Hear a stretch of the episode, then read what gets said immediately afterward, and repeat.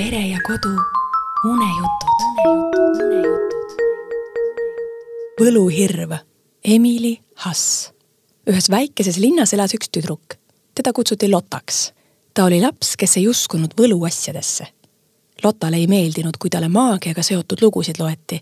ta ütles selle peale, ma ei taha, ma ei usu selliseid asju Lotal ei olnud kodus ühtegi raamatut, mis oleks olnud maagiateemaline, nagu näiteks Harry Potter ja teised võlukunsti sisaldavad lood.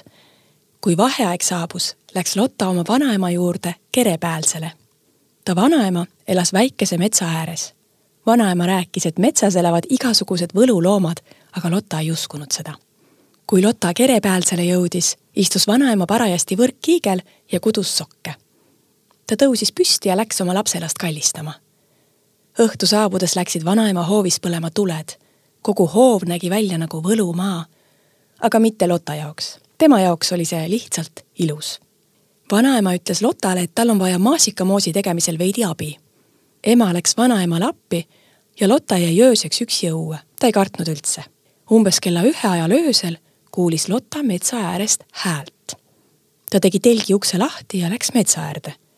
et pimedas näha võttis Lotta kaasa taskulambi. vanaema koera Mõmmiku kutsus ta samuti kaasa. metsaraja ääres nägi Lotta valgust. Ta hiilis Mõmmikuga valgusele järele.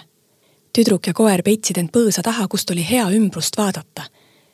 ja seal oli hirv. kuulsite õigesti, hirv. üks võluhirv. ta oskas rääkida inimeste keelt. hirve sarvede küljes olid tulukesed ja peas pihlaka okstest tehtud väga uhke kroon. mõmmik jooksis Hirve juurde ja reetis Lotta peidukoha.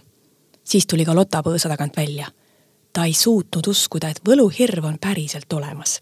seejärel tuli Hirve tagant välja helendava karvaga rebane ja tema kõrvale lendas puu otsast lendorav, kes helendas samuti.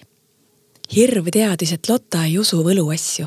ta rääkis Lottale, et võluasjadesse tuleb uskuda, kuigi need tunduvad võimatud kui unistada ja mõelda maagiale, siis suudad muuta oma lapsepõlve armsaks ja eriliseks. jõuad elus kaugele, kui jääd kindlaks enda arvamusele ja järgid enda unistusi.